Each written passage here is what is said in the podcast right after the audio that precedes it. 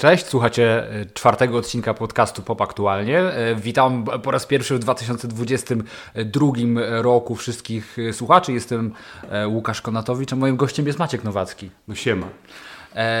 Maciek Nowacki to jest osoba żyjąca muzyką, autor i pomysłodawca rozmaitych projektów muzycznych, takich chociażby jak kaseciarz, z którym chyba jesteś najbardziej kojarzony.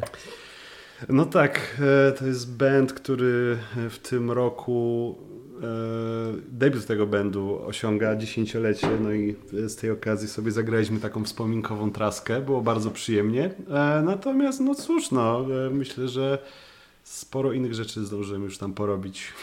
No, to się z pewnością zgadza. W ogóle nie będę ukrywał, że z Maćkiem łączy nas długa, wspólna y, historia. Jesteśmy tak, to jest, to jest, to jest ten podcast to jest jedna wielka prywata. No tak. No, nie, nigdy, nigdy nie udawałem, że jest inaczej. E, I e, bywałem na Twoich, na twoich wczesnych, wczesnych koncertach które właśnie się odbywały tak z 10, 10 lat temu. Mm -hmm.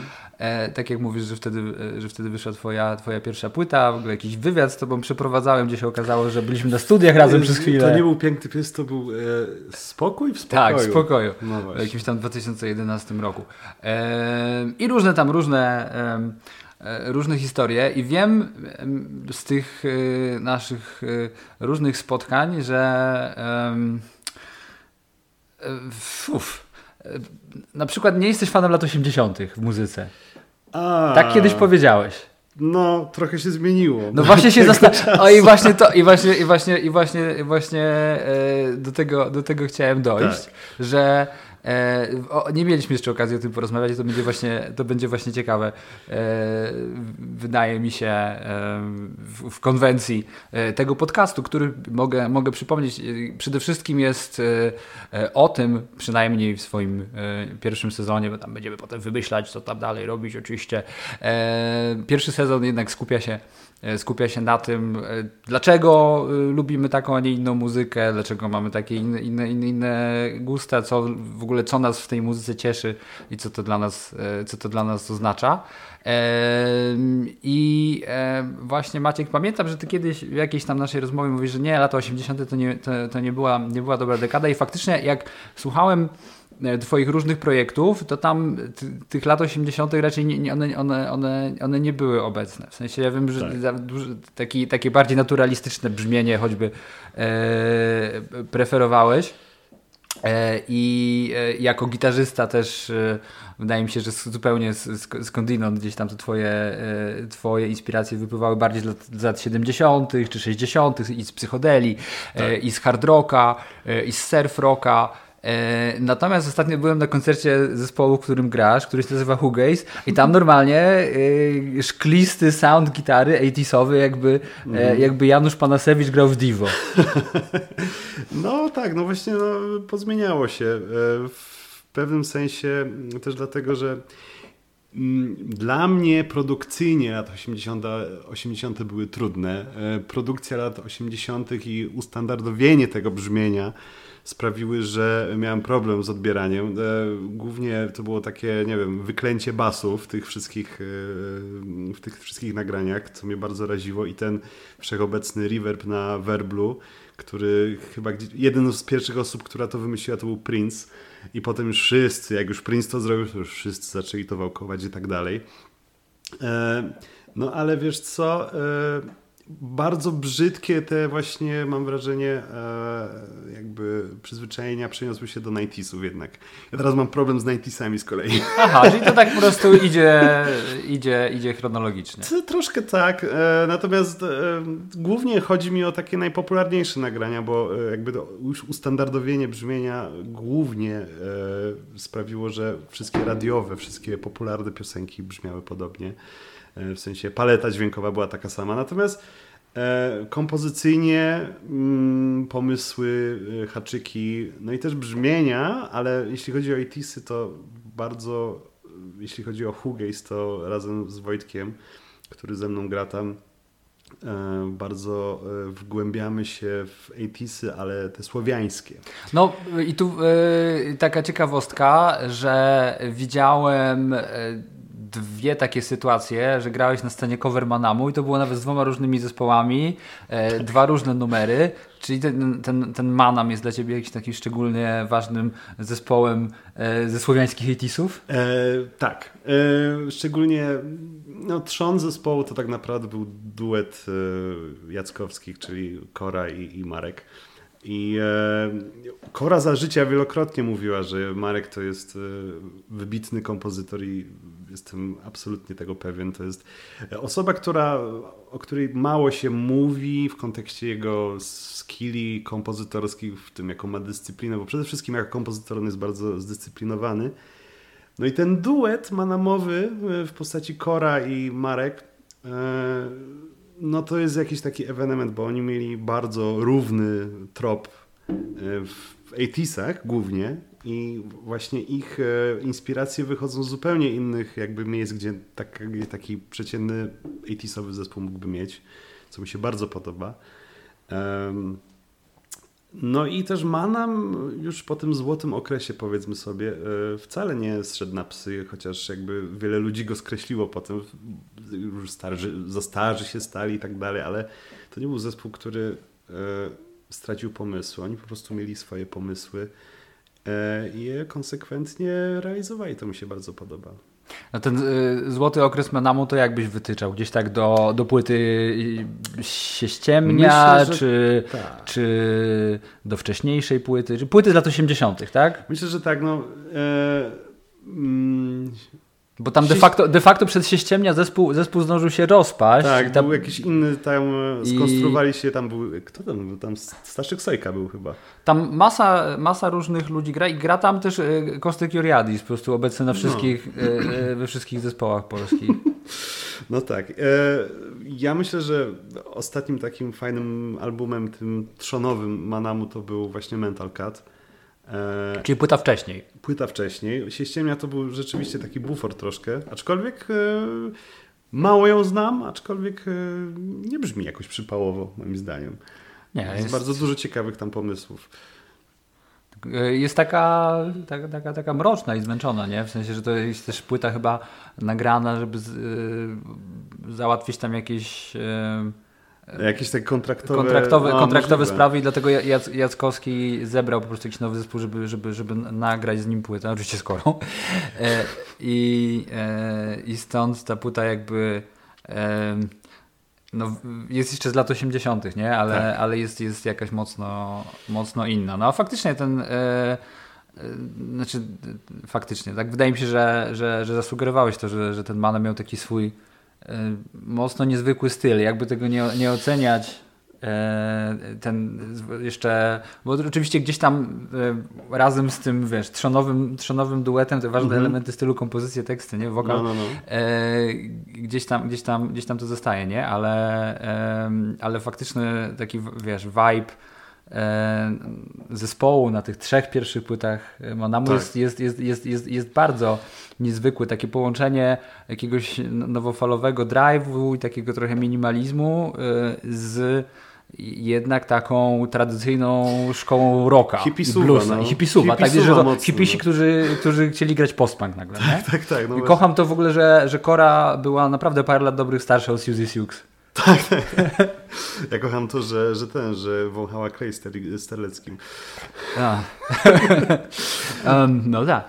E, podobno, podobno tak było. Tak było. E... No ale wiesz co? E, mm, co tu dużo mówić? No, e, i Manam i różne zespoły z lat 80., e, słowiańskie właśnie, powoli zaczynają być odkopywane przez Zachód, mam wrażenie. I, i nie wiem, czy zauważyłeś, ale w punku ostatnio, znaczy ostatnio jest jakiś taki podział na chain punk. Nic o tym nie wiem. No. O kuźwa. Chain punk, czyli jakby e, punk, który jest bardzo agresywny, no, jest takim bezpośrednim spadkobiercą hardkoru, ale tam różne inne rzeczy e, jakby umieszcza, bo teraz zaczynają tam jakieś spływy noizowe, różne tam e, psychodeliczne też bywają, odloty. No i ekpunk, który jest bardziej piosenkowy i lightowy. I generalnie my właśnie wśród znajomych często robimy taki eksperyment, jak zrobić ekpunkowy numer. Na przykład bierzemy utwór Lecha Janerki na YouTubie i go przyspieszamy półtora, półtora razy. I to okay. właśnie brzmi ekpunk. E, nie wiesz, nic o, tym, nic o tym wszystkim nie wiem. Ja to no. kojarzę punktualność. Punktualność. E, I i nie wiem, co tam młodzież kmini. Jarocin. Pamiętasz? Walczyłeś. Oczywiście. Ja się urodziłem w Jarocinie na scenie.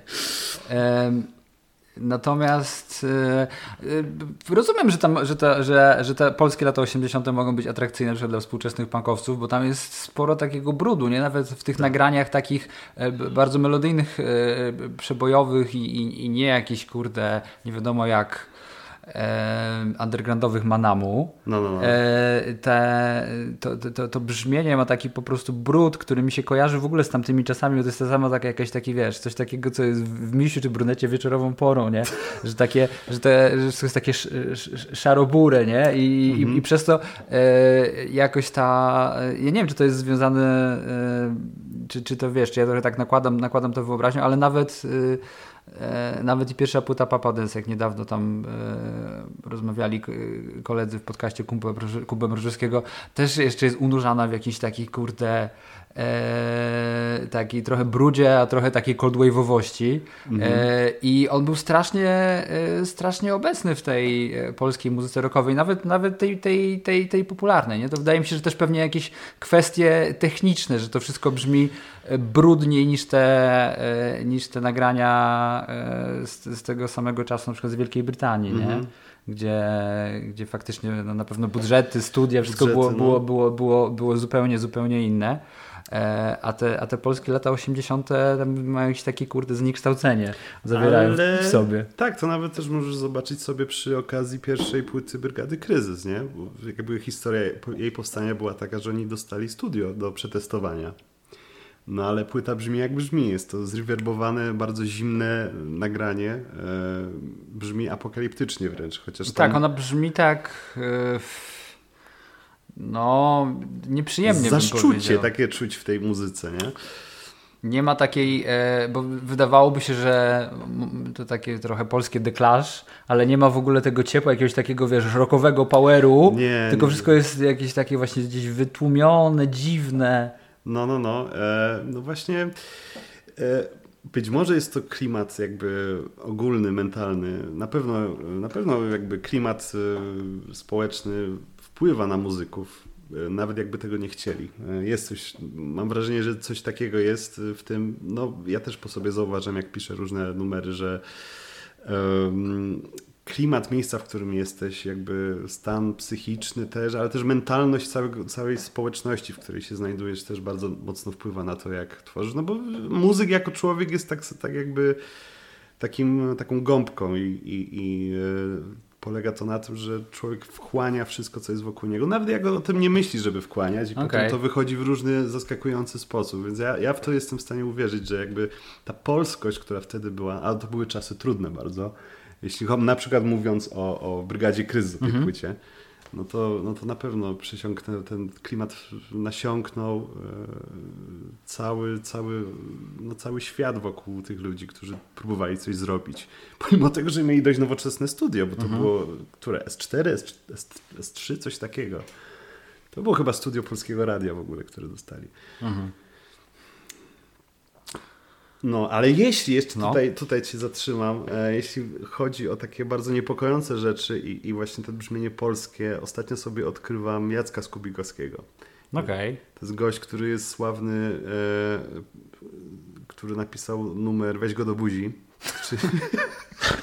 ale e, to jest Polecam sprawdzić wcześniejsze jego płyty, bo są bardzo genialne. To on był też songwriterem, on pisał... No właśnie jego kojarzę jako autora jakichś tam tak, no tekstów, on... piosenek innych artystów. On chyba napisał prawie całą płytę Lombardu, Śmierć w dyskotece. Okej, okay. nigdy nie słyszałem w całości żadnej płyty Lombardu. Czy myślisz, że to jest taka rzecz, którą powinienem nadrobić? Czy, Można czy sobie mo odkopać, można nikt ci nie okay. wiesz, nie zabroni. Natomiast Ale no, no nie, solówy ja z Kupikowskiego są o tyle ciekawe, że są pierwsze solów, solówki pokazują człowieka, który jest sam w studio. On nagrał dwie płyty, debut dwa razy nagrał. Nagrał po polsku i po angielsku. Tą samą płytę mhm. praktycznie. Mhm. I pierwsza płyta to jest chyba 83 rok, e, pionierskie zastosowanie Rolanda TB03, czyli tak zwanego syntezatora od acidowych bassline'ów w house'ie mhm. i zastosował go tak, jak był zaprojektowany, czyli jako akompaniament basowy do gitarzystów. I efekt jest piorunująco zimny.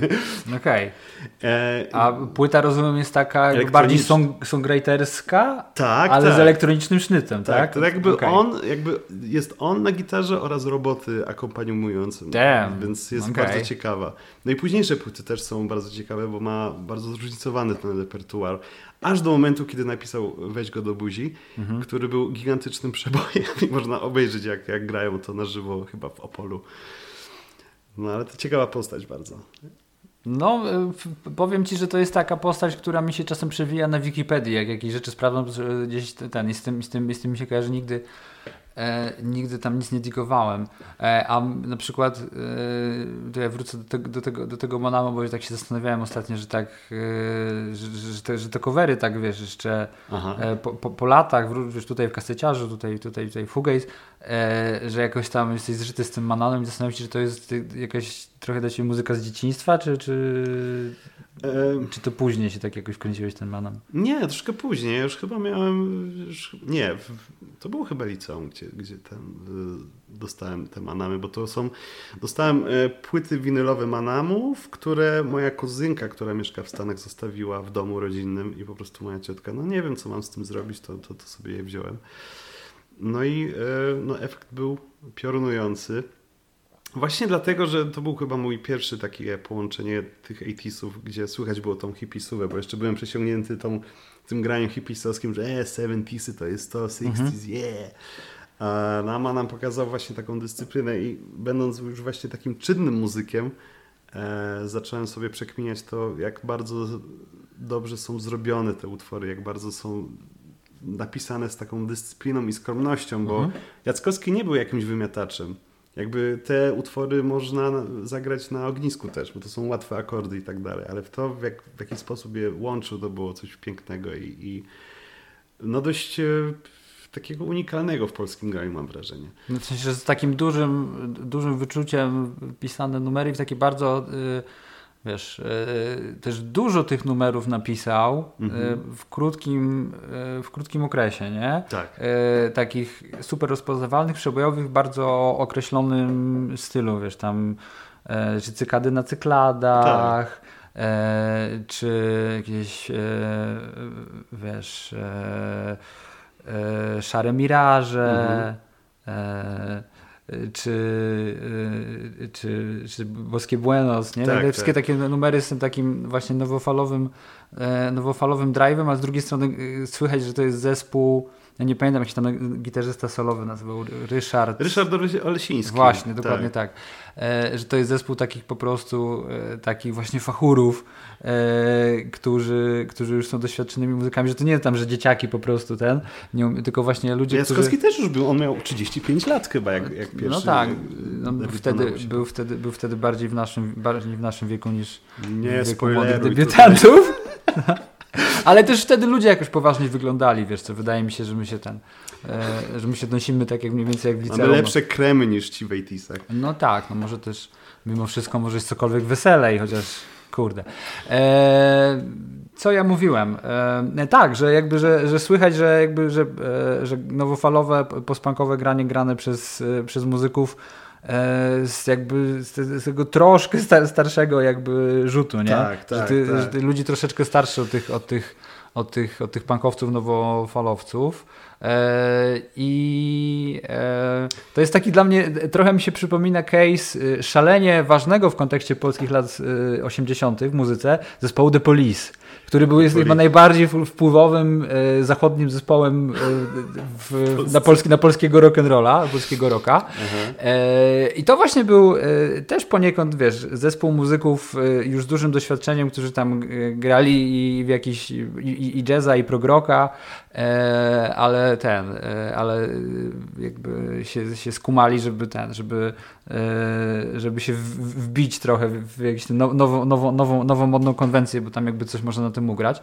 No i faktycznie przez to ten, przez to stworzyli jakiś taki, taki swój własny, swój własny podgatunek, no bo wiadomo, mm. że, to, że, to, że, to, że to nie jest punk. Ta, tak, tak, tak. Albo kurde, nawet nie wiem, to chyba byłoby nawet niesprawiedliwe powiedzieć, że, że Stinkor, bo oczywiście... Nie, oni wtedy jeszcze byli takim bandem, dopiero potem się pokłócili chyba. Bo oni chyba się rozstali w jakiś nieciekawych... Oni, e, tam były bardzo dużo napięcia w tym no, zespole no. i przede wszystkim chyba Sting ze Stewardem Copelandem e, mieli bardzo, bardzo napięte stosunki, no ale jakby e, wiesz, to tam też tam, e, też tam akurat Manam nie jest jednym z tych najbardziej jak The Police brzmiących zespołów w Polsce, bo konkurencja jest, jest, jest spora, ale właśnie przypomina mi ten, wiesz, ten vibe tych takich już fachurów, tak. którzy teraz pokażą wam jak robić takie właśnie precyzyjne, chwytliwe numery, nie? Wiesz co, ja, ja z innej jeszcze strony podejdę, bo wydaje mi się, że e, dobrym łącznikiem Manam e, i Zachód to byłby też zespół Dire Straits. Okej, okay, bo Dire Straits... To jest podobny, podobna historia, bo oni też mm -hmm. są dojrzałe, dojrzałe chłopy, e, ale jakby... W... Bo Dire Straits to jest jakby drugi najbardziej popularny zespół w, w Polsce, przynajmniej w latach 80. Tak, nie? tak, tak. E, I Dire Straits i Manam mają ten wspólny mianownik, e, który mam wrażenie jest szalenie ważny, że obydwa zespoły są tak, a dojrzałe, e, b są ludźmi, którzy zaczęli grać już w poprzedniej dekadzie, czyli mają te wpływy hipisówy mhm. i tak dalej. C. Wydaje mi się, że w Manamie, tak jak w Dire Straits, nie było takiego pomyślunku, że ej, musimy być jacyś, bo taka jest teraz scena. Tylko oni po prostu zaadaptowali trochę sound, który się teraz niesie, ale jakby swoje wpływy nie zrezygnowali z nich, na, na mhm. żeby, żeby zrobić coś takiego, co się podoba z publiczności. I to jest właśnie taki truskul, który myślę, że ich łączy. E, no tak, ma to, ma to sens, w sensie, że e, wyobrażam sobie trochę Manam, czy widzę jako taki, e, taki zespół wywodzący się faktycznie z jakiegoś takiego, wiesz, takich kontrkulturowych prądów, ale jakby wcześniejszej, tak. wcześniejszej dekady. Tak, tak, tak. I, e, i, i, i, i, trochę na zasadzie, że co, no, że w sumie dalej jakby nasza młodość ciągle, ciągle trwa, nie? Nie będziemy z siebie robić, robić dziadów. I dlatego ta, ta muzyka jest takim ciekawym połączeniem. Przecież tam są nawet, nawet już na debiutanckiej płycie, nie? Bo znowu myślimy o debiucie jako, wiesz, jako o płycie nagranej przez jakichś takich, takich, ale z drugiej strony, że to wiesz, e, świeżactwo i tak dalej. Tak, a tu tak, faktycznie tak. byli dojrzali muzycy i przecież tam jest nawet taki instrumental trochę osjanowski jeden, mm -hmm, e, czy e, na trzeciej płycie jest na przykład taki utwór, który jest chyba wydżemowany, bo on jest tam jako jedyny podpisany e, kompozycja, jako kompozycja tak. zespołowa. E, Miłość jest jak opium, e, tak, który znowu no, ma trochę tego takiego mm, postpunkowego drive'u i tam w basie, E, głównie, ale, ale Samo też na ma... instrumentalach na, na Metal Cut, czyli że Cowboy OK i Czerwona Papierosa to też są dżemy tak naprawdę.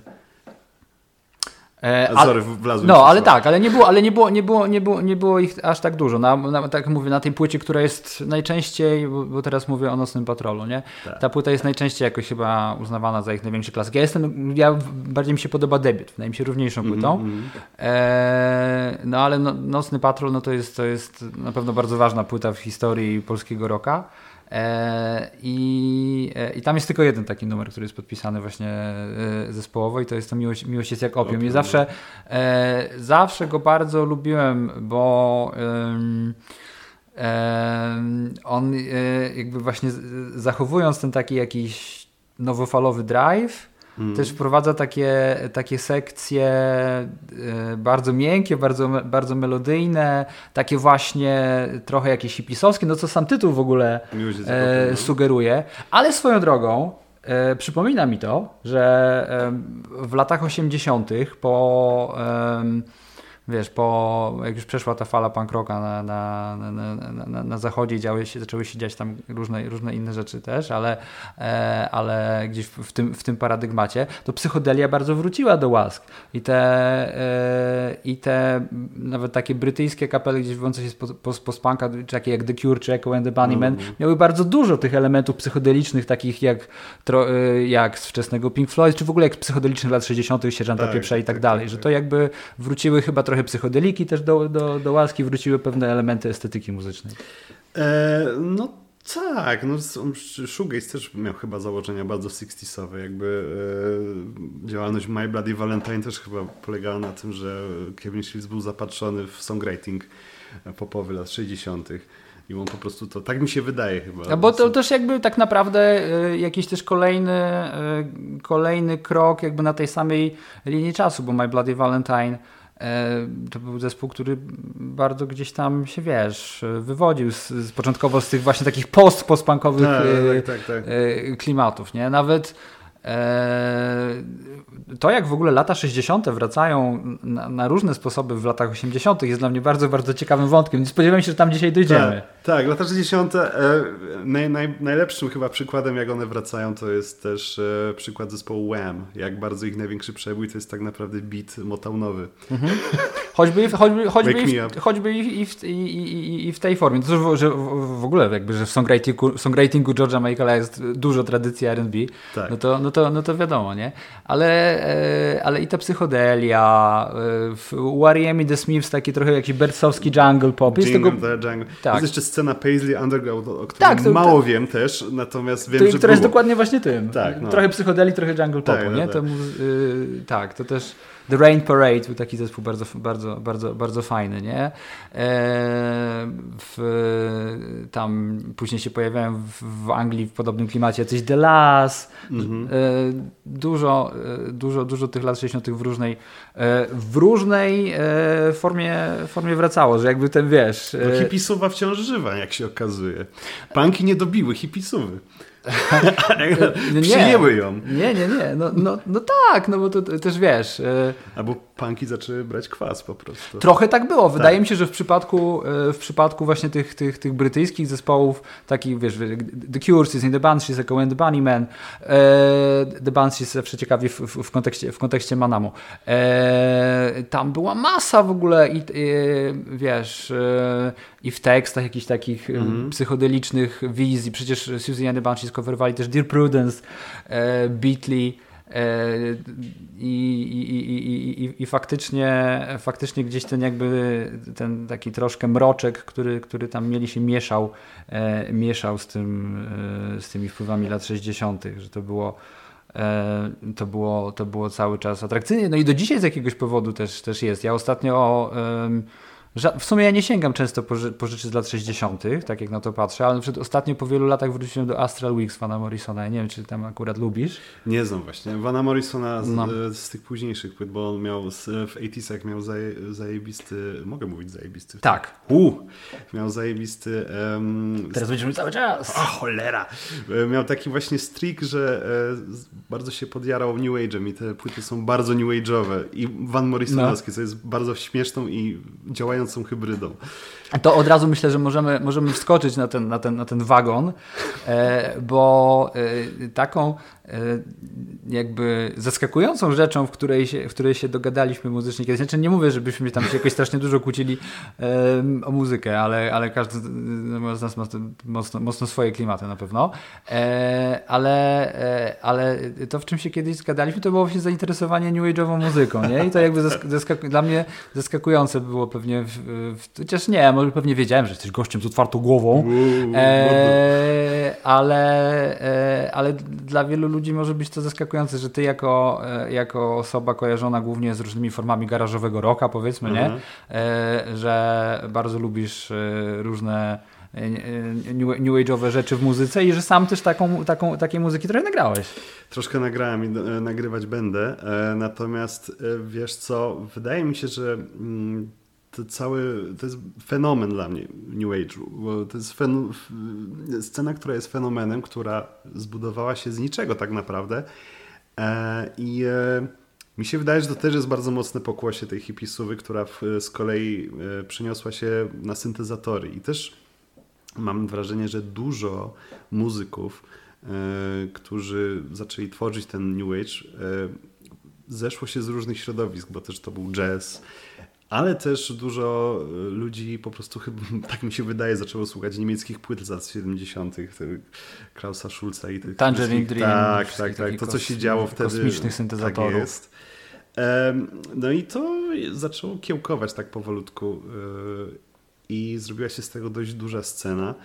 Niestety e, mam wrażenie, że trzeba trochę się e, natrudzić, żeby znaleźć wartościowe rzeczy tam, ponieważ e, taki mm, kapitalizm ostro wjechał w latach 80. W, w tą scenę i zaczął robić po prostu typowo użytkowe rzeczy, które e, mnie mało interesują, bo ja słyszę, że tam nie ma jakiegoś takiego pomyślunku albo takiej intencji twórczej prawdziwej. Natomiast e, ta scena troszkę wraca e, i e, pojawiły się teraz też mnóstwo ciekawych rzeczy, które nawiązują do tego. Ostatnia płyta Anna Roxanne, to jest taka, e, taka wokalistka, która świetne płyty robi i to jest bezpośrednio nawiązanie do tych, tego New Age lat, lat 70. Ona to stworzyła i no i nie wiem, i dla mnie to jest coś ciekawego, bo ten duch lat 60. tej hipisowy jest mocny w tych truskulowych, new age'owych nagraniach, że widać, że ci ludzie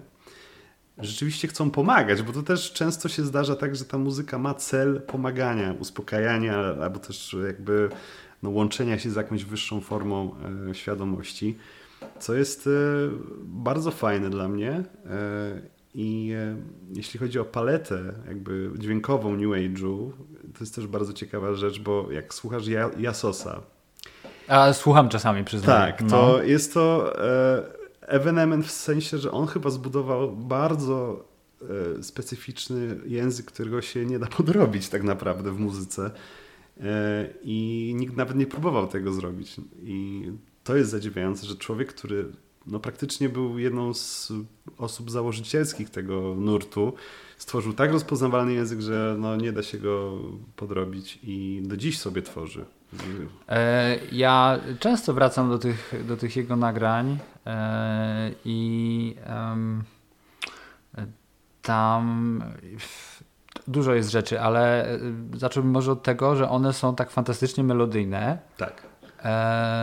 I że to, to nie są jakieś takie po prostu nijakie drony, tylko, tylko dużo jest po prostu pięknych, pięknych melodii, e, które z drugiej strony, wiesz, jakoś tak się... Um, słyszysz, wiesz, że to są synty, ale z drugiej Wartość strony... symfoniczna jest bardzo tego. To jest tak, trochę napisane i, jak symfonia taka. I, e, ale też tak jakby odsyła wyobraźnię słuchacza w, w stronę jakichś takich wiesz, rzeczy prastarych jak tak. bardzo mocno, e, czy naturalnych, nie? Tak, tak. E, że jest to taka, taka muzyka, która no, e, wiesz, no no, wynika w jakiś sposób też z rozwoju technologii, i, i, tak. ale, e, ale te obrazy, które jakby w przeciwieństwie do e, różnych też wczesnych elektronicznych projektów, no, wiesz, no, choćby niemieckich, choćby, choćby Kraftwerk, zupełnie nie, jakby nie, nie, nie wykorzystuje tej, tej nowej, nowej wtedy technologii JASOS, nie? Mm. Tam, wiesz, w latach 70.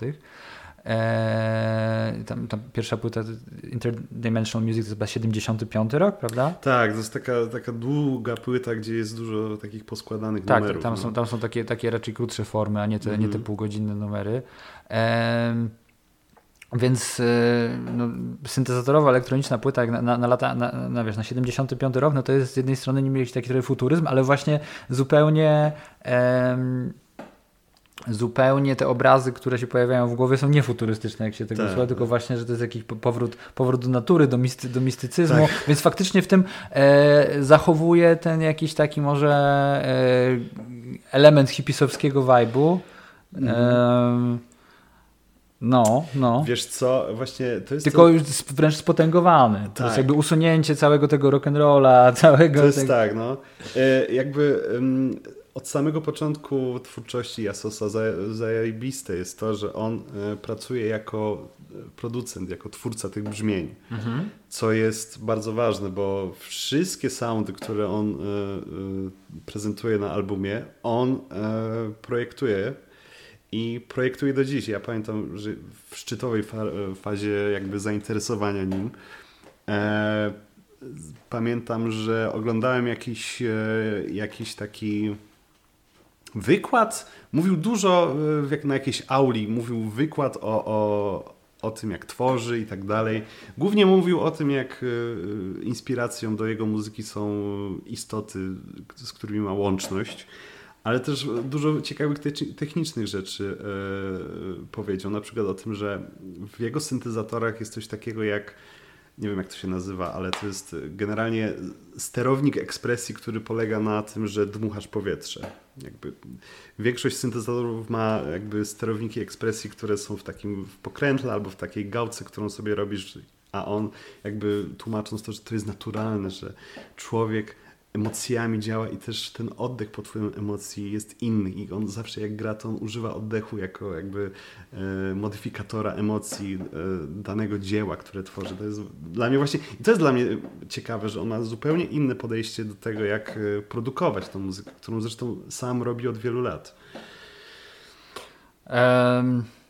A jeszcze czekaj, zanim, zanim mm -hmm. jeszcze, jeszcze mm -hmm. a propos Śmiało. właśnie tego pozbawienia rock'n'rolla, strasznie mnie jakby w psychodelicznym roku zaczęło mierdzić to. Znaczy jest dużo fajnego psychodelicznego roka, ale e, ja bym powiedział, że jest o wiele mniej roka, który jest tak naprawdę psychodeliczny, bo e, jest po prostu bluesem z długimi solówkami. W sensie wiem o co ci chodzi, że jakby rok psychodeliczny po, po, po, po, jak w swoim, wiesz, e, złotym, krótkim okresie e, to chodziło o to, żeby wywołać pewne, wyrzeć pewien efekt na słuchaczu, tak, tak. a e, później, kiedy zostaje to jakoś tam skodyfikowane, jako po prostu, że psychodelia to oznacza wiesz, brzmienie takie, takie i takie, no tak, no to, tak, tak. to później jest taka pantomima, odgrywanie tego lepsze, lepsze czy gorsze od, od, od jakby odgrzewanie tych patentów, to, to ma być psychodelia. I to czasem jest, no potrafi być czasem fajne jak ktoś to, jak, jak ktoś dobrze to robi, to potrafi być to też czasem pewnie fajne, e, no ale, e, że tak powiem, taki faktyczny, psychodeliczny efekt już niekoniecznie ma miejsce bardziej na zasadzie skojarzenia, nie? A, tak. nie, a nie tego, żeby znaleźć jakieś wiesz, nowe źródło, żeby pewne jakieś takie, czy takie synestetyczne, czy, czy, czy jakieś takie właśnie troszkę odmienne stany świadomości u słuchacza wywołać. Tak, no jakby e, ja mówię, te, tych zespołów się fajnie słucha, ale to są zespoły tak zwane bluesowe tak naprawdę, e, które, które się tak słucha. Natomiast mało jest zespołów, które naprawdę albo mają jakiegoś fajnego synta, albo wykonują jakieś ciekawe zabiegi, które, które tą psychodelię mają wywoływać. Dlatego też bardzo dobrze wspominam tą scenę niemiecką z lat 70., która zresztą E, w prasie zachodniej była okrzykana, okrzyczana jako krautrock, co było mhm. obraźliwe dla samych Niemców. Wtedy oni chyba chcieli się od tego odciąć. I... Ale z drugiej strony Faust sami nagrali utwór takim tytule. Tak, prześmiewczo chyba, ale, ale wiesz, ale oni o sobie, mówili, że to jest kosmische Musik, czyli muzyka kosmiczna, więc jakby... No nawet to dziś się chyba y, traktuje to trochę jako, wiesz, jako jakąś tam osobną rzecz, że krautrock to, to, to pewnie bardziej jakiś kan, a, mm. a, a, a kosmiczne no to pewnie bardziej jakiś Tangerine Dream, czyli te właśnie mm, e, te właśnie Berlin School. Synte, syntezatorowa e, psychodelia, trochę, trochę filmowa, trochę sci-fi. Mm. E, a y, ty masz teraz jakiś psychodeliczny projekt w ogóle muzyczny? Tak byś to mm. zaklasyfikował? Czy właśnie ten twój New Age'owy Ascending no, Order Ascending to jest to? Order to jest... Y, Ascending Order teraz jest na takim etapie, że y, tu mogę ci trochę zespoilować, co się będzie z nim działo, bo, bo to był przez długi czas mój solowy projekt, ale zamierzam go otworzyć właśnie na, na kolabo i jest w planach zrobienie live'owego, znaczy live'owego, takiego składu wieloosobowego z krakowskimi muzykami. Jest też y, pomysł, że przyjedzie do mnie pewna tuza muzyki niezależnej polskiej i będziemy y, robić... W sensie, że Maciek Cieślak? No nie, coś. młodszy, młodszy. Również zasłużony, ale na razie nie będę spoilował. Okej. Okay.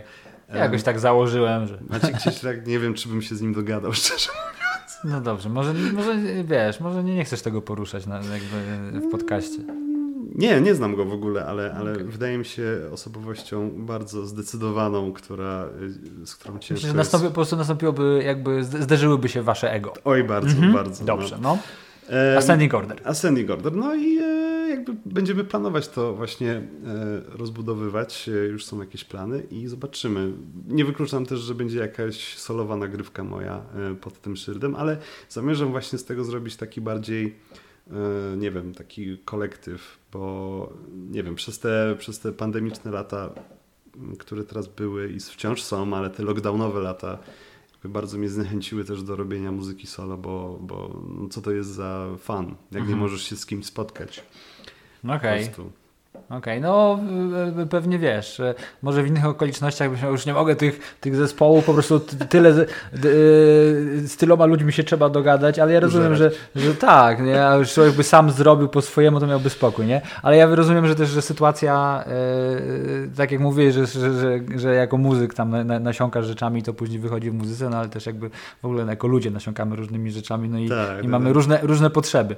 Niedawno o tym rozmawialiśmy w podcaście o, o, o potrzebach E, wokół e, muzyki. Ja muszę powiedzieć w ogóle, e, kochani, e, kochany, kochany Maćku i słuchacze, że mówiłem tak, bo zapomniałem, a to może warto, warto wspomnieć, że mówiłem w tych e, pierwszych trzech odcinkach, może ten, może swoją drogą jakoś, e, wiesz, coś, coś, coś, to moje wyznanie wywołało w tobie, czym będziesz chciał się podzielić. Okay. Ale mówiłem w trzech pierwszych odcinkach, wydaje mi się w każdym z nich, o tym, że dla mnie czas pandemii był trudnym czasem dla, wiadomo, różnych, na różnych płaszczyznach pewnie, ale był trudnym czasem do słuchania muzyki. Bo to, co ty mówisz, że, że znudziło ci się e, granie samemu, mnie się trochę jakoś tak mimo, wiesz, pracy głównie z domu, no i, i, w sumie tyle trzeba siedzieć w tym domu, co innego robić, można by sobie muzyki cały czas. Nie chciało mi się, w sensie mhm. byłem zmęczony na samą myśl bardzo często i było tej muzyki mogę bez żadnej przesady powiedzieć, najmniej w całym moim życiu przez, yy, przez już ten, ten, ten, ten zeszły rok. Mhm. Nigdy nie słuchałem mniej muzyki. E, i, I stąd też trochę taki, wiesz, taka inspiracja w ogóle dla tych, dla tych podcastów, bo myślałem, że jak ty, ty mówisz, że brakowało ci grania z ludźmi, że mnie trochę brakowało w ogóle jakiejś interakcji na polu mu muzyki takiej, mhm. żeby że coś, nie wiem, że kiedyś się więcej... na koncerty chodziło i tak dalej. Choćby, choćby to, ale też wiesz ja się czułem tak trochę otępiony jako, jako, jako słuchacz muzyki, też brakowało mi takiego właśnie takiej, takiej zapalenia też takiej iskry, nie? Że, też, że coś wychodzi, yy, jakieś, jakaś płyta i się tym ekscytujesz, rozmawiasz tym ze znajomymi i jakoś w ogóle wiesz, czy, czy, czy w ogóle na przykład widujesz się z ludźmi i rozmawiasz z nimi o, o, o muzyce mm -hmm. i od razu to jakoś też otwiera cię na recepcję. E, tego mi po prostu brakowało, więc stwierdziłem, że też zrobię jakby trochę tak terapeutycznie podcast o tym, że rozmawiam z, z, z ciekawymi ludźmi o, o z takimi ludźmi, którzy po prostu chciał sobie, chciał sobie, chciał sobie pogadać, ale no. pewnie jak nie zrobię, jakbym nie zrobił z tego podcastu, to dużo trudniej by się było, wiesz, umówić i, i, i, i tak dalej, i tak dalej, nie? Że na, na jakieś słucha, słuchanie płyt, że o, wpadnij Maciek na słuchanie płyt, nie? No, no. Może byś padł, ale na podcast to wiadomo, że padniesz, nie? I, I muszę powiedzieć, że mi się otworzyło e, jakby już e, po, po, tych, po, tych, po tych kilku odcinkach odcinkach i wydaje mi się, że, że to się właśnie bardzo wiąże z tym, że mi się to jakoś od, od, od, odblokowało. Tutaj można by trochę wejść na te new age'owe, na new age'owe e, tereny, co mi się odblokowało. Tak, tak. Ale mi się odblokowało i, e, i słucham znowu naprawdę sporą muzyki starej i, i nowej z radością. Także wiesz, faktycznie jakby te, te, inne, te inne osoby Yy, są, są bardzo przydatne. To ty nic nie zabrzmiało teraz. No, wiesz co? Nie no, jakby wiadomo, jesteśmy wszyscy We live in a society. Kostanza. Ale wydaje mi się, że, że po prostu cały ten okres pandemii, tych lockdownów i tych pierwszych szoków i tych pierwszych niewiadomych, bo jeszcze na samym początku nie wiedzieliśmy z czym się mierzymy, E, mimochodem on wywołał taki strach egzystencjalny, który stał się takim obiektem dla nas. Jakby to nie było coś, czego, co można obejść, bo byliśmy zmuszeni do mierzenia się z obiektem, który jakby zasłonił nam cały świat. Ja to też mocno poczułem e, i przez cały okres tej, tych lockdownów rekordowo zacząłem się wkręcać w ASMR.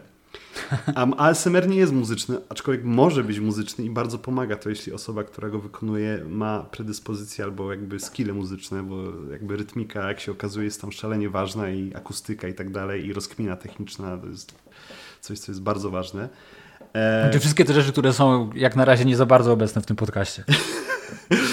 ale, ale wiesz, e, wtedy zacząłem bardzo mocno tego słuchać i trochę na samym początku miałem takie wrażenie, Jezu, ja nie słucham w ogóle muzyki, co się ze mną dzieje, co będzie, czy, czy też na zawsze straciłem to, pomimo tego, że przez całą pandemię też pisałem numery, robiłem muzykę, nagrałem Ascending Order w czasie lockdownów, ale wiesz co, myślę, że to jest też efekt tego, że my, będąc w takim normalnym ciągu, w takim trybie, jakby powiedzmy, codziennego życia, byliśmy przyzwyczajeni do tego, że pewne rzeczy się wydarzają i że one mają ciągłość. Dlatego, że jest cykl wydawniczy, po cyklu wydawniczym jest e, cykl koncertowy, jest cykl promocyjny i tak dalej, i tak dalej. I nagle jest to załamanie i cały ten łańcuch się zepsuł. Dlatego e, ja koniec końców mam wrażenie, że e, przeprosiłem się z tym i zacząłem znowu słuchać muzyki nie na siłę, że muszę sobie posłuchać czegoś, tylko zacząłem jakby naturalnie do, mm -hmm. mhm. tego podchodzić, mm -hmm. że nie ma co się śpieszyć. E, sam będąc jakby osobą grającą i piszącą, wiem, że inspiracja to, to nie jest coś, co jest stałym przepływem, tylko to są fale. I te fale należy respektować. I te fale istnieją, wiesz, podejrzewam, że ty stoisz bardziej po stronie e, analizy muzycznej i dziennikarstwa, więc to też jakby też może mieć swoje fale, zajawki i tak dalej. Mhm. I trzeba respektować tą falę, bo ona się cofnie, ale za chwilę wróci. I ten powrót mam wrażenie, że teraz, bo czuję, że właśnie jakby opowiadając Ci o Jacku Skubikowskim, to jest jedno z moich ostatnich takich odkryć, powiedzmy nowych, chociaż gość jest już vintage'owy, mhm. jest tak vintage'owy, że już nie żyje. Uh, what rip in peace. Ale... How more vintage can you get? Be dead. Ale ten, um, e, właśnie odkrycie takiego kogoś e, stało się naturalne i złapałem się na tym, że jakby zaczynają mi istnieć te jego melodie w głowie, że sobie je nucę. To jest bardzo dobry znak, moim zdaniem. Wiem, że jakby tak już przetworzyłeś e, płytę czy utwory w głowie, nie? nie? Nie, że tylko. I haczyki masz już w sobie, nie? Tak, tak, tak, tak, tak. I to, e, czyli to coś, co, co pozwala e, już tak odkrywać na przykład jakąś tam większą ewentualnie, ewentualnie głębię, nie? To jest tak. taki, to jest piękny stan takiego na przykład zauroczenia jakimś artystą, czy jakim, jakimś albumem, czy nawet tak. jakimś jednym, jednym numerem, kiedy znasz już go dobrze znasz jego, znasz jego przebieg, ale y, jeszcze cały czas odkrywasz w nim, w nim, w nim kolejne, tak. kolejne rzeczy. I to jakby czegoś takiego mi faktycznie faktycznie brakowało przez, przez ten zeszły rok, tak jak, bo tak jak mówię, nie bardzo mi się um, chciało za często tej, tej, tej e, muzyki słuchać. Oczywiście i tak ona jakoś tam była obecna, bo też może jak nie wiem, no są, są ludzie, którzy w ogóle jakoś na, na to dzień nie mają przyzwyczajenia i nie słuchają, nie słuchają w ogóle, no to ja i tak jednak każdego tygodnia, wiesz, coś, tam, mhm. coś, tam, coś tam słuchałem też po to, e, też jakby z takiej nawet odpowiedzialności przed słuchaczami mojej, mojej audycji, nie? żeby nie wyjść na jakiegoś, wiesz, na kłamcę hipokrytę, który tutaj w ogóle gdzieś mam, gdzieś mam tę muzykę, tak, a teraz przez dwie, przez dwie godziny posłuchajcie, to mam, mam, mam, dla was selekcję, nie? Tylko nie, no, ale e, ale to mi się tak pozwalało trochę tak ponurzać w takim, w takim swoim świecie i bardziej e, w tym, w tym moim programie w, w, tym roku może tak, e, wiesz, osiąść w takim swoim bajorku, że wiecie, jakie są mm. moje, wiecie, jakie rzeczy, rzeczy lubię, wiecie, czego możecie oczekiwać po tej, po tej audycji i, i to jest mój, mój bezpieczny zakątek. Ja się tutaj będę no, no, no. bardziej blisko tego trzymał, e, trzymał w tym roku, ale tego takiego, wiesz, um, um, poznania czegoś takiej właśnie... Yy, taka świeża, taka dziecięca świeżość takiej, takiej, takiej zajawki, właśnie po, po, po, po, po ekscytacji, po, jakimś po prostu nowym, nowym albumem, czy, czy, czy, czy, czy trackiem, czy miksem, czykolwiek po prostu nowo, nowo, nowo, nowo poznanym, to mi tego brakowało z drugiej strony. Nie mogłem się do końca na to zdobyć, a mi tego brakowało, a teraz widzę, że ten, że zaczyna, zaczyna i wracam trochę do takiego trybu, żeby jednak na przykład poznawać codziennie nową muzykę, nie nową, że wyszła, tylko nową, nową, nową dla, dla siebie. siebie. Tak. tak. Ostatnio słuchałem po raz pierwszy, posłuchałem w całości albumu um, original soundtrack zespołu Ten cc mhm. który zawiera, zawiera piosenkę I'm Not In Love. Ja kocham ten utwór, ale nigdy nie tak. słyszałem całej płyty. Tak, no tak, pewnie, tak. pewnie, pewnie, jest, pewnie jest trochę takich kurde, utworów rozsianych w historii muzyki, że po prostu znam, znam utwór, ale nie, nie posłuchałem nigdy całego albumu. Mhm. E, I było to bardzo interesujące przeżycie, w sensie żaden z pozostałych y, bodaj 7 czy 8 utworów na tej płycie w ogóle nie przypominam na Love. Mhm. Jest to e, z jakaś w ogóle z ogromnym przepychem zrobiona prog, popowa płyta. Nie, jakoś wiesz, zupełnie e, zupełnie nie przypominające niczego, ni, ni, ni, niczego in, nic innego mi to jakby nie, nie przychodzi na myśl, co mógłbym, co mógłbym porównać, żeby, e, żeby powiedzieć, że, że, że to ten CC to jest, to jest tak jak to. Nie, no bo, bo, bo po prostu okazało się, że to jest jakiś, wiesz, jednak super ekscentryczny zespół i super, e, super, super ciekawa płyta, więc to takie, e, te, to, są, to, są, to są ciekawe przeżycia. Albo wiesz, co jeszcze na przykład mnie tak ostatnio trochę wkręca? E, nie wiem, czy, czy nie, myślę, że jest ci znana, znany ten typ zajawki, żeby sobie tak poodkrywać na przykład późniejsze płyty ulubionych wykonawców. Oj, to jest bardzo jak, fajne. Tak, jak tak, jak tak. są już po 30 czy tak, 40.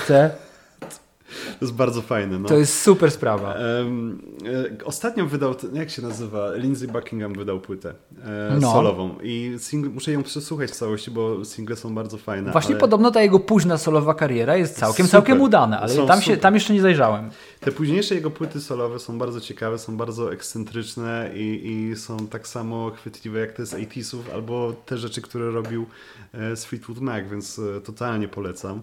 I no, dla mnie to jest zawsze zadziwiające, bo nie wiem, e, ja myślę, że to jest też e, jakby taki efekt czasów, które już mam nadzieję mijają, czyli takiego agresywnego kapitalizmu w kulturze. Mam nadzieję, że to zdechnie i e, przestanie już być ten kult nowości i młodości, młodości bo no. jakby to stwierdzało, to nie pozwalało się jakby muzyką jakby rozwinąć, nie? I, i, i wiele zespołów po prostu albo przestało być, yy, przestało mieć zajawkę, bo wierzyli w to, że są już za starzy, co jest kłamstwem.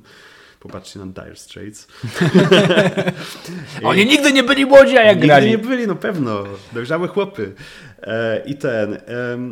no i właśnie dużo zespołów dopiero zaczyna odczuwać taki groove po, po 30, po 40, nawet są albumy, które ludzie po 50 robią fantastyczne i, i trzeba to zgłębiać, bo czasami jest tak, że ja e, łapiąc taką płytę, która jest późna, e, podoba mi się, nie dość, że mi się podoba bardziej niż ta młodsza płyta, ale też jakby kompletnie się nie zgadzam z recenzjami bo, bo można czytać recenzje i tak ale jakby myślicie, co, co, jakby kto on... Jak się, tak, w sensie jeśli, jeśli popatrzymy na te, na te recenzje e, takie sprzed, sprzed 30, 20, tak. 20 lat. Ro, Rolling Stone Magazine. Tak, tak, tak, że e, i, tu, i tu można by wrócić trochę do tych kwestii lat 80, do których tak e, jakoś może przewrotnie trochę wyszliśmy, że e, łatwo zauważyć taki trend, jak się patrzy na stare recenzje, na starą prasę muzyczną, czy, czy, czy jakieś takie rzeczy nawet już publikowane w internecie, ale e, na zasadzie przewodników po dyskografiach na przykład mm. e, serwisu All Music, że jak e, się zaczynają lata 80. w karierach wielu, wielu artystów, natomiast te, te płyty są ogólnie niżej oceniane, że, tak, tak. że to, że ktoś e, w ogóle nawet próbował że jakoś aktualizował swoje brzmienie na potrzeby lat 80., to już nie liczyło się, jak dobry jest materiał, tylko nie, to już ten soulless 80s sound, coś tam, coś tam. No, takie... Czy właśnie, czy trochę dziadowanie, czy polizywanie się młodzie, takie nie wiadomo no, co, no. nie? Ale na przykład y, jak y, słuchałem ostatnio y, płyty Johnny Mitchell z 88 roku, ona ma totalnie taki late 80sowy sound, ale to jest, to jest tam akurat i, i na lepsze i najgorsze, ale nie, nieważne, ale ale ogromna e, część tego materiału jest w ogóle jakaś zupełnie magiczna, nie? że jakby e, ona dalej rozwija swoje, wiesz, swoje oryginalne Aha. kompozycje i to akurat w takim bardziej melodyjnym wydaniu, tam są goście, Peter Gabriel, masa różnych ludzi się pojawia. Wendy and Lisa, mhm. Chokmar, Chokmar in Rainstrom ma tu, ma tu ta, ta, płyta, nie? I strasznie smutne byłoby dla mnie coś takiego, żebyśmy takie właśnie mm, różne albumy, wiesz, skazywali na niepamięć, dlatego że ktoś już po prostu ktoś nie, miał 25 lat. Tak, nie? tak, tak. E, I że faktycznie może, e, może, może potem e, tak jak, tak jak myślę, może jak, jak jest z tym, z tym Lindsayem Buckinghamem późnym, że on jakby, że on już teraz nie próbuje pewnie e, wiesz, aktualizować swojego brzmienia znowu na potrzeby kolejnej dekady, tylko tak. gdzieś w takim swoim defaultowym jakimś stylu sobie, sobie to osiadł. Są, to jest, więc, to, tak, więc to, może, tak. to, to może jakby też e, sprawiać, że się przychylniej na to patrzy. Ale nawet takie powiem Ci płyty, że ktoś właśnie się tak rzucił w latach 80., że nie, po prostu ja będę miał, wiesz, ja będę. Tak, sound. tak, tak jak na przykład, nie wiem, no Robert Plant, nie? który ma ten tak. taki, ten taki e, utwór Big Log z automatem perkusyjnym. To jest super numer, nie? E, to nawet właśnie te rzeczy są z różnych powodów często dla mnie ciekawe niż, wiesz, najbardziej ograne płyty, no ileż można słuchać, wiesz, tam tego jak ktoś, wiesz, mm -hmm. właśnie 20 parę lat i nagrywał z jakiego Stardusta, czy Nevermind the Bollocks, czy, czy cokolwiek. I, I to też dla mnie jest ważne z perspektywy coraz starszego człowieka, że właśnie ciekawi mnie, wiesz, co tam jeszcze ludzie mieli do powiedzenia w, w muzyce po, po, po 30, nie? bo to też daje jakąś taką nadzieję na to, że jesteś dalej kreatywnym jakimś, wiesz, bytem. Tak, nie jakby no... E, wydaje mi się, że żyjemy w najlepszych czasach, jeśli chodzi o coś takiego, bo e, żyjemy w takim rozkraczeniu, że z jednej strony mamy... Maciej Nowacki w rozkraczeniu najlepiej. To jest tytuł, tytuł, tytuł mojej autobiografii, by the way. Ale nie, e, wiesz co, e, żyjemy w takich czasach, gdzie ten internet rzeczywiście sprawił, że niektóre rzeczy okrzepły i na przykład ta dostępność do tej muzyki sprawiła, że ludzie mogą się konfrontować z tym, jakie to są naprawdę wartościowe nagrania. I e, często jest nowa, jakby nowe poznanie tych wszystkich rzeczy y, przez młodsze pokolenia, które mhm. mam wrażenie, młodsze pokolenia teraz jakby wchodzą y, bardzo wygodnie do poznawania rzeczy. Już nie ma tak, że coś jest zgredowate, coś tak, jest zgredowate. mniej różnych rzeczy, które nas jakoś tam cringe'owały, ich już, ich już nie cringe'ują, bo gdzieś to zostało przetworzone e, tak jak na zasadzie z Kubą Brożewskim w pierwszym odcinku e, rozmawialiśmy też właśnie o, tam o produkcji z lat 80. i on powiedział coś takiego, że chyba po prostu z biegiem lat nabrało to pewnej jakiejś takiej szlachetności, pokryło się taką, taką, taką, taką, taką patyną, że to nie jest już tak, że o Jezu, jak, jak oni mogli w ogóle taką, taką produkcję w ogóle e, mieć na swoich, na swoich płytach. Wiem, że są ludzie, którzy do dziś tego e, nie są w stanie przeżyć, ale po prostu są w błędzie po prostu. Tak, ja myślę, że jakby dzisiejsze czasy sprawiły, że mamy do czynienia z takim koszem z owocami i każdy sobie może po prostu Trochę tak. swój kosz z owocami. Swój, jest, y, swój własny kanon nawet. To jest piękne i mam wrażenie, że y, dzięki temu ani też muzyka gitarowa, bo przez wiele, wiele lat się mówiono, o rok jest martwy, stary, mhm. co tamtego. Myślę, że te żyjemy rzeczywiście jakby i pandemia, i te czasy internetowe, w których jesteśmy, i te lockdowny przełamały bardzo wiele rzeczy i nowe rzeczy się budują, mam wrażenie. I e, jedną z tych jest właśnie taka swoboda w myśleniu o muzyce, swoboda w wchłonieniu tej muzyki i, e, i też z mojej strony jakby też mogę powiedzieć jako muzyk koncertujący, że lockdown jakby sprawił, że ludzie zaczęli być troszkę bardziej wygłodniali tej muzyki też na mhm. żywo. I o wiele ważniejsze są teraz spotkania e, właśnie na relacji koncert, czyli muzyka, odbiorcy i jakby obie strony potrzebują tego. Jakby I są dowody na to, bo ostatni Sound Drive, który się, e, ostatnia edycja Sound Drive'u to była edycja całkowicie polska i było świetnie. Grałem na niej zresztą, elo. I, I jakby też daje dowód, bo wiele osób, które myślało, że są geniuszami marketingu, mówią, a nie, no festiwal z Polakami samymi to się nigdy nie sprzeda. A tu nie dość, że zrobili fajną selekcję, to festiwal był hitem kasowym. Mhm. I, I ten. I mam wrażenie, że sporo rzeczy się przełamało. I tak jak mówiłem wcześniej o tej fali, która się cofa, mam wrażenie, że ta fala teraz wraca i ta fala wraca nowa, świeża i jest czystsza. Dlatego będę tańczył i szczał na grup kapitalizmu w muzyce i w kulturze z miłą chęcią. Y, to tak bardzo optymistycznie, bardzo optymistycznie weszliśmy w nowy rok w podcaście Pop Aktualnie z Maciejem Nowackim. E, Maciej, gdzie szukać twoich rzeczy w internecie? Chcesz coś polecić? Jakiś... Nie, to nie wiesz, no nie, nie, ma, no, wiesz, nie ma no. przymusu. No, dobra, e, Hugaze to jest najbardziej aktualny będzik. Melty, który zaraz będzie miał drugą płytę, mhm. mam wrażenie, wyskoczy. Czekamy na płytę z Torpurem. To jest ostatnia płyta, w której brałem udział z Torpurem. Um, ja to podlinkuję w opisie wszystko. Tak. Laxity to jest zespół, który teraz się nagrywa. Uff. Ascending Order, jeśli ktoś chce się zrelaksować i całą resztę, to tam gdzieś tam, gdzieś tam w eterze też na pewno ogarniecie.